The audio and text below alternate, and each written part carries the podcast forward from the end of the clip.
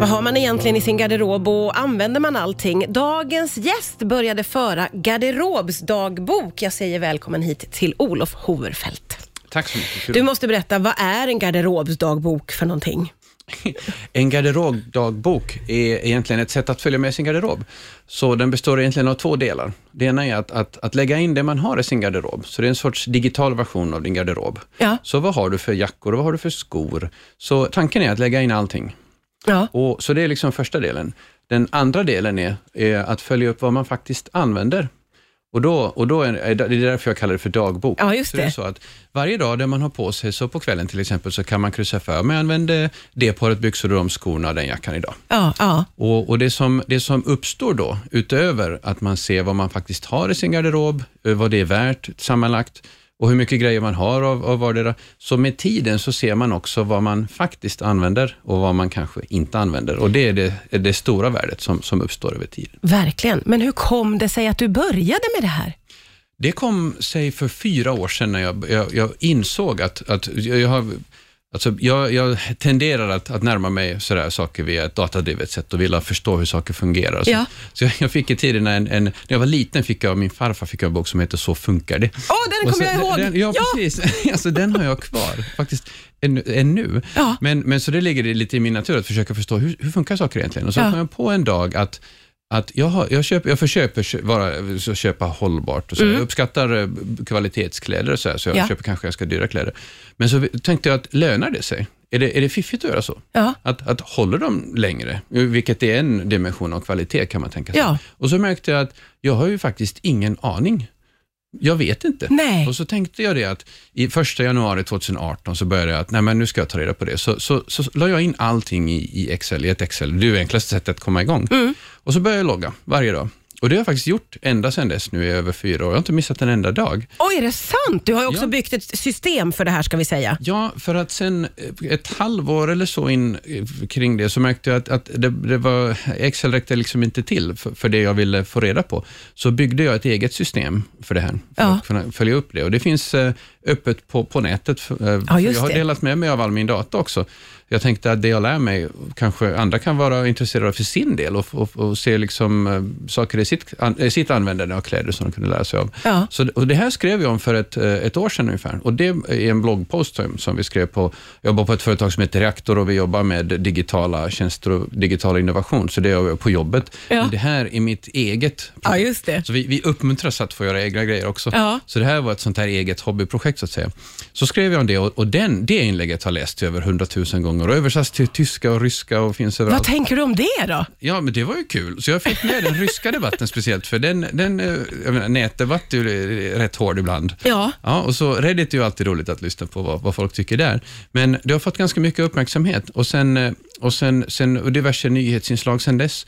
Och så när SVT gjorde en grej om det här för en knapp månad sen, så, så då fick det ganska mycket uppmärksamhet i Sverige och det tänker jag mig att det är den roliga grejen nu. Ja. För nu har jag fått en massa eh, eh, folk som är intresserade i Sverige, kring 500 som har, som har eh, anmält sig att vara med. Ja. Så, så jag har öppnat tjänsten för vem som helst att vara med i. Gud vad spännande. Vad kan du se? Vad kan du säga om svenska garderober?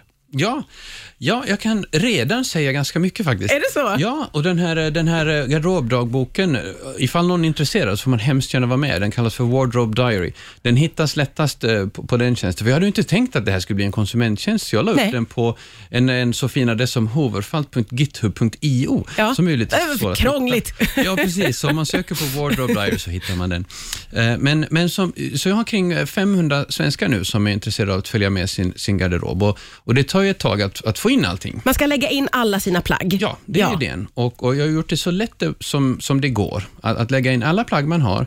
Ehm, och, och sen när det är färdigt, då, då kan man börja följa upp vad man faktiskt använder alla dagar. Mm. Så, så jag har ett hundratal nu, eh, och det växer hela tiden, eh, som har lagt in sin garderob. Ja. Och, och då, då har jag filtrerat alltså de som verkligen, jag tänker mig att har lagt in mer eller mindre allting. Ja, just det. Så, så då är det liksom representativt av en garderob. Och vad kan, vad kan du säga så generellt om de Ja. svenska garderoberna? Ja, svenska garderober på, grund, på basen av det här samplet har i medeltal 179 plagg i en garderob. Är det mycket eller lite? Det är i linje med vad jag ser i andra studier Okej. som jag med moderbolagen kör Ja. i eh, centrala Europa till exempel. Så, Ja. så det är ganska medel. Och eh, till ett värde av 87 000 kronor har vi i medeltal Ja, eh, okej. kapital bundet i våra garderober. Ja. Och Det är då till inköpspris. Så att, så att om man köpte något för fyra år sedan och har det kvar, så då antar jag det liksom Ja, värdet det. av det. så att säga. Ja. Men om man ser på, på hur, mycket, hur många plagg vi har i vår garderob, så varierar det eh, mellan en minimalistisk garderob på 40 plagg och ända upp till 370 plagg, i, som är rekordet så att säga, hittills. Och eh, värdemässigt om vi ser så, så är det från ungefär 30 000 kronor ända upp till 235 000 kronor. Ja, det är stora så vi har ganska variationer. mycket, vi har väldigt mycket olika garderober. Ja. Och, eh, och, eh, och sen kan man se andra intressanta saker som jag följer upp, till exempel andelen second hand som, som folk har. För det har jag bett folk eh, när de lägger in saker, att är det här, köpte du det nytt eller var det second hand?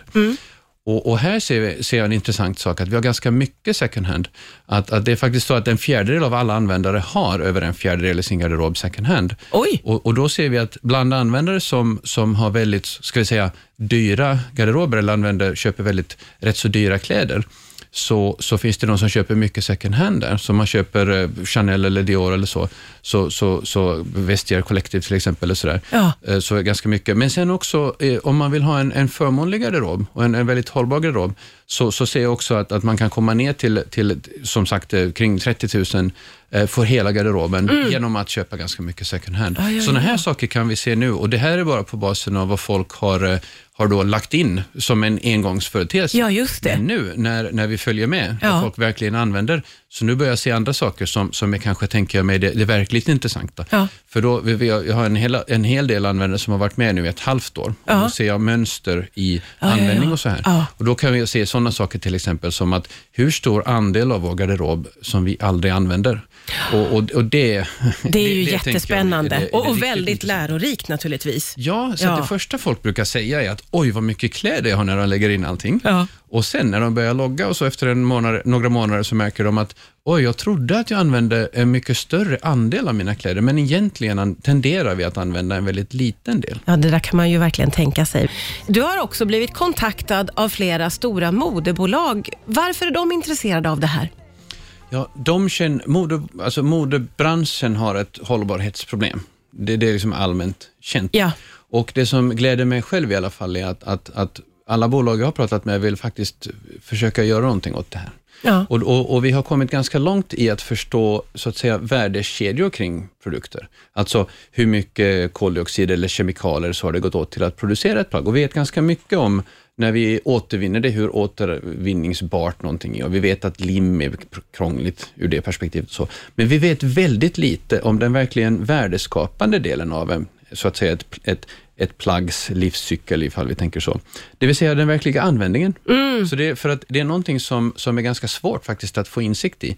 Att vi, vi tenderar, eller bolag och, och andra liksom tenderar att uppskatta att, att ja, en jacka används i fem år, uppskattar vi. Ja. Eller att vi uppskattar att den används sig 100 gånger eller 200 gånger. Men vi, vi, har, vi vet väldigt lite om det, verkar det som. Så när jag skrev om det här då för ett år sedan, då var det ju bara jag, en person. Men Ja. första gången vi fick en inblick i hur den faktiska användningen är.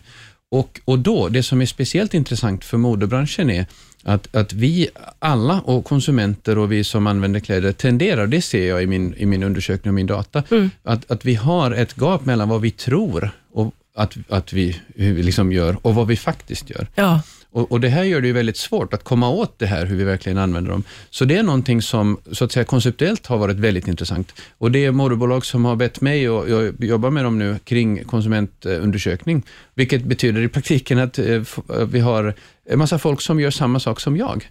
Och så ser vi mönstren där, Ja. eh, där med tiden, då, att hur vi faktiskt använder. Och då tänker man att ur ett hållbarhetsperspektiv så är det hemskt fint om vi kan förstå hur vi använder och hur vi prefererar och så, som kan gå ända tillbaka till produktdesignen och så här.